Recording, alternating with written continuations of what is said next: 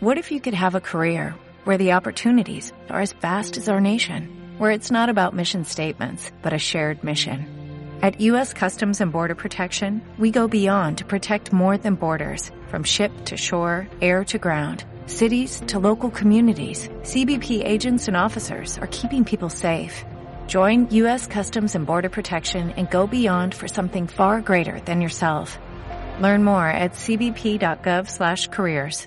Pim, pum, param, pam, param, pam. Hola tots i totes, benvinguts. a un nou episodi de Casella d'Isida. pam, pam, pam, pam. No havíem parlat, però això ho volia fer jo.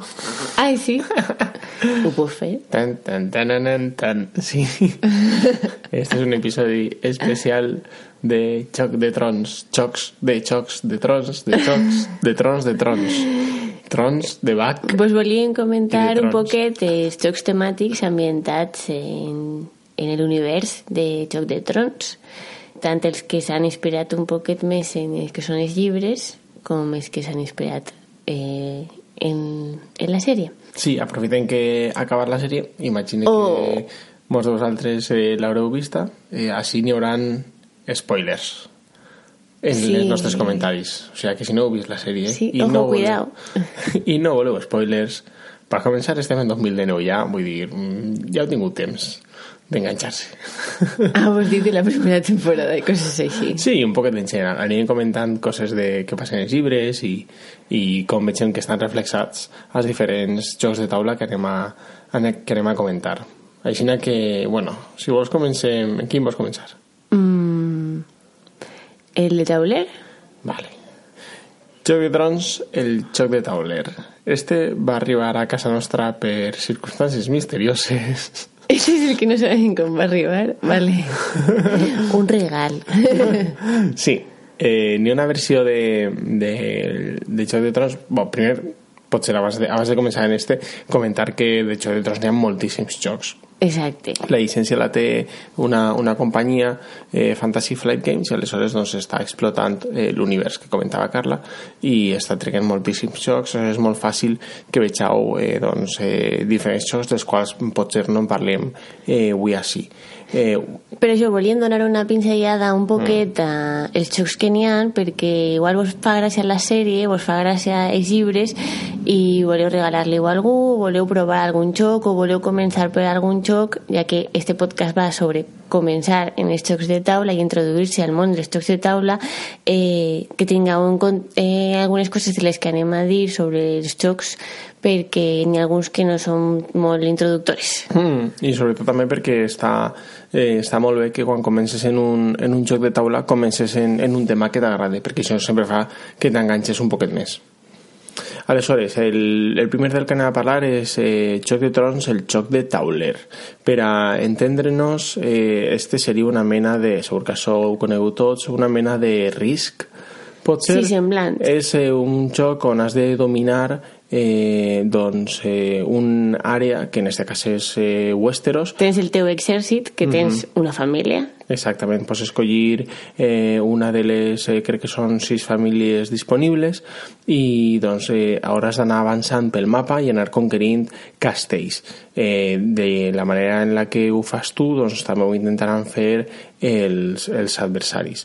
I doncs a banda de, diguem-ne, aquestes fases de- d'expansió i d'atac, també competireu per doncs, ser eh, la mà del rei, per tindre un lloc al, al, a la sala del tro i bueno, competiu per diferents coses eh, alhora, que jo crec que, que també és una manera de balancejar un poquet eh, el joc. Sí, té gràcia, perquè és que és el mapa de Westeros. I tu eres una família, pots ser un Stark, o pots ser Lannister, o pots ser Greyjoy. Està, està divertit perquè... Sobretot crec que el que més m'agrada és el rotllo apuesta Sí, que n'hi ha en el xoc, perquè eh, el que comentava Carles, els, els jocs d'influència, tot eh, té com una aposta.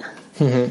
I s'ha mà tancada i cadascú és emocionant. eh, sí, posa com uns diners per a, per a apostar per a aquest lloc. A lo millor has dit, buah, eh, jo vull ser el primer del primer torn i anem a jugar-se i per això has de ser el primer en tal i te deixes ahí tot el diners i la resta no posen res perquè no li interessa en esta ronda ser el primer en el primer tom.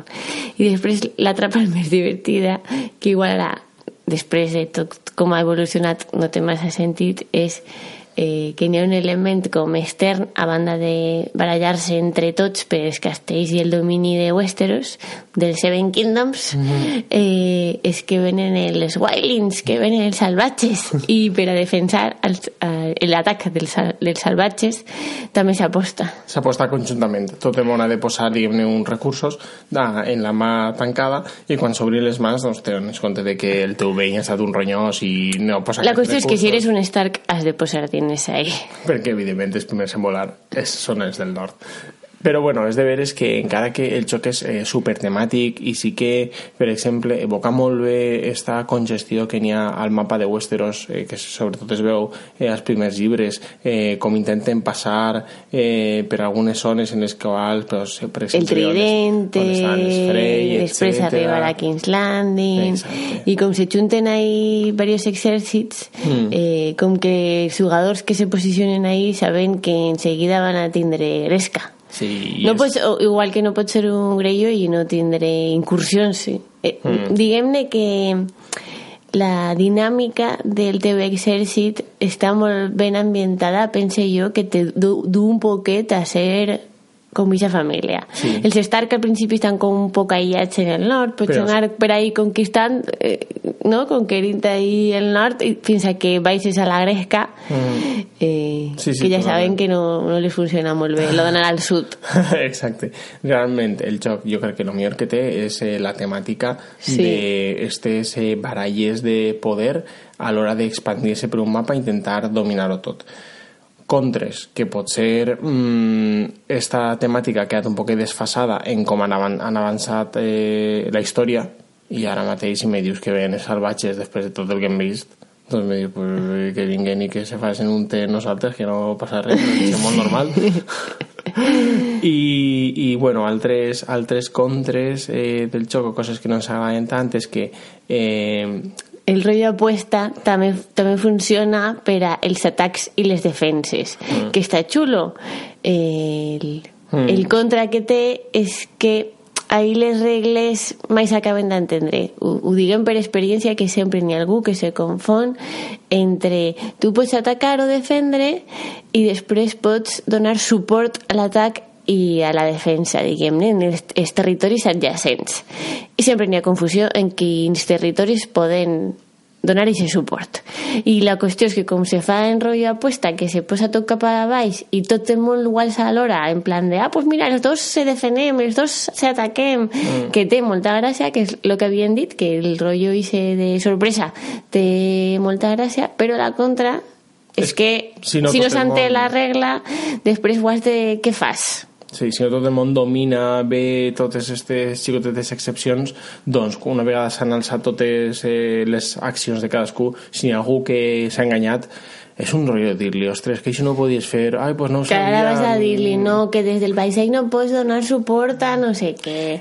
Aleshores, eh, això realment has de jugar molt per a que tot el món es sentisca còmode. Nosaltres hem jugat prou i encara així sempre n'hi ha hagut cosetes que hem fet malament.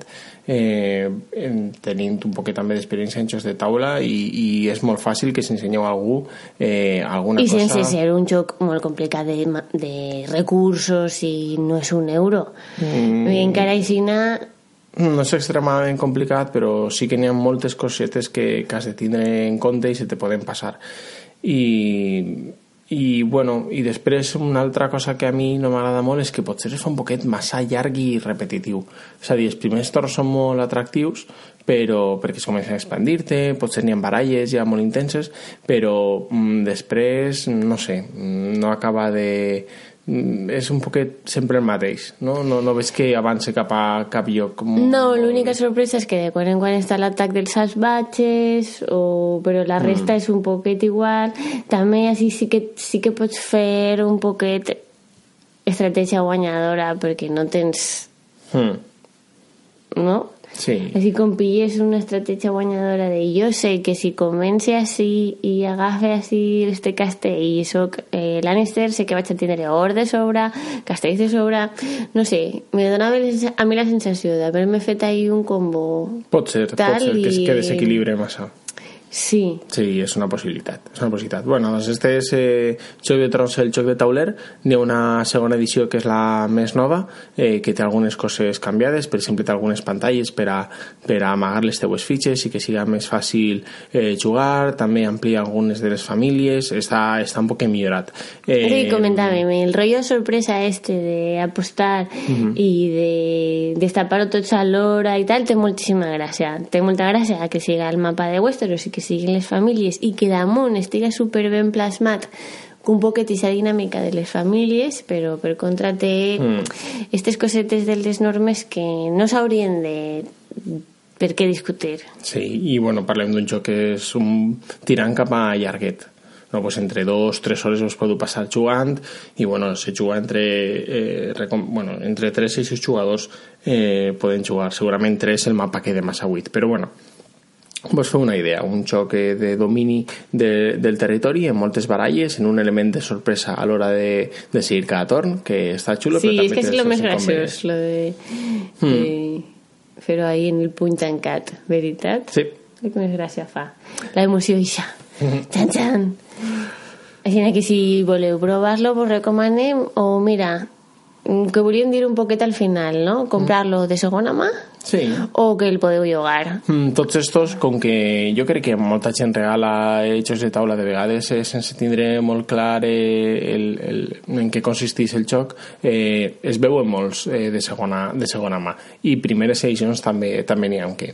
Com hem dit, havien millorat algunes coses, però la primera edició es pot jugar perfectament, o sigui que per, pot, pot ser per eh, pocs diners, doncs tenim un joc eh, jugable ahí que, que està guai, és de Joc de Trons, si vos mola, i, i potser eh, és la, eh, mm, la raó per a juntar la gent a la taula, que jo crec que és Sí, guai. un joc temàtic. eh, I ara volem parlar del joc de cartes? Sí, el joc de cartes, este, este sí que va ser un regal, regal. Sí. I hem de dir que també el jugarem prou. És un joc que sí que, este, encara que es pot ampliar fins a quatre jugadors, la seva idea principal és que jugue eh, a dos.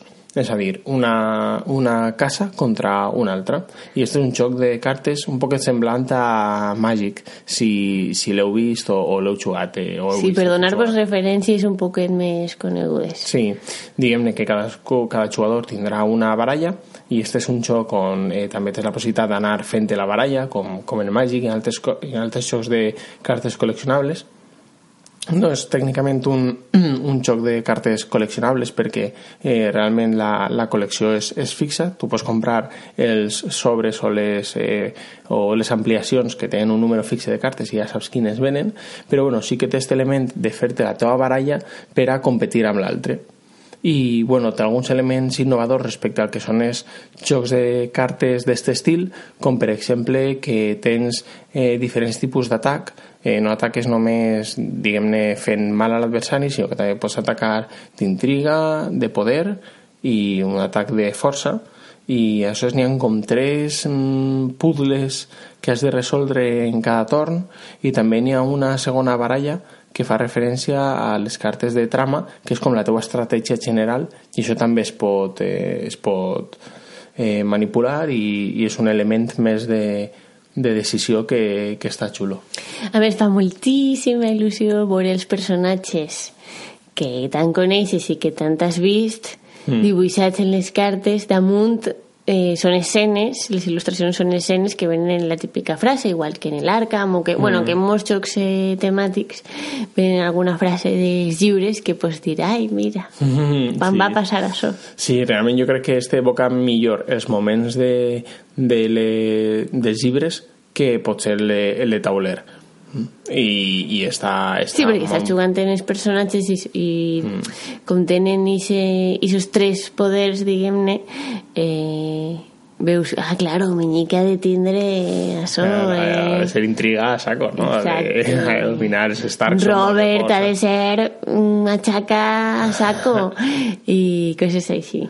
He de dir que per a mi la meva contra és que jo no havia jugat mai a Magic ni a un joc eh, paregut i sí que havia jugat a molts altres jocs de tauler però el provàrem i les primeres partides jo recordé és que no m'enterava de res perquè baixaven cartes, les giraven me pegaven de no sé què després de no sé quanto anava perdudíssima. Sí, jo crec perdudíssima. Que... al principi deia Déu meu, què està passant? no m'entera de res. Que no sé qui va guanyant i m'estàs pegant a mi i jo, pues jo què sé és Sí, que ho és recorde un- un poquet perduda al principi. Després ja se feren les baralles se viciaren moltíssim a jugar els dos i ja vaig entrar en plan de ah, clar, si ara li pegue de no sé què que ell no se pot defensar li mate primer, bueno ja te fas, ja entres en, en el joc però així de primeres, si, si sabeu que és una...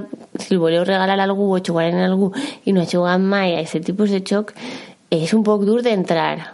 Sí, sobretot si no teniu experiència en aquest tipus de jocs de cartes d'estil d'este, no? Sí, no, de no per el joc en si, sinó perquè és una dinàmica que crec que has de haver practicat un poquet. Mm. Per exemple, penseu, doncs, un personatge, tu baixes a, a Robert Baratheon i, És superfort, És molt fort, però no té però- de intriga d'este de... i després té paraules eh, clau que li donen Sí, certes leal, habilitats. letal, Renom, no sé renom, quantos. Saps? Són personatge coses- únic, només este Hmm. i després els artilugis estos que se posen, este només se pot posar així, però este no sé quantos i sobretot recorde perdre molt de temps escollint la trama.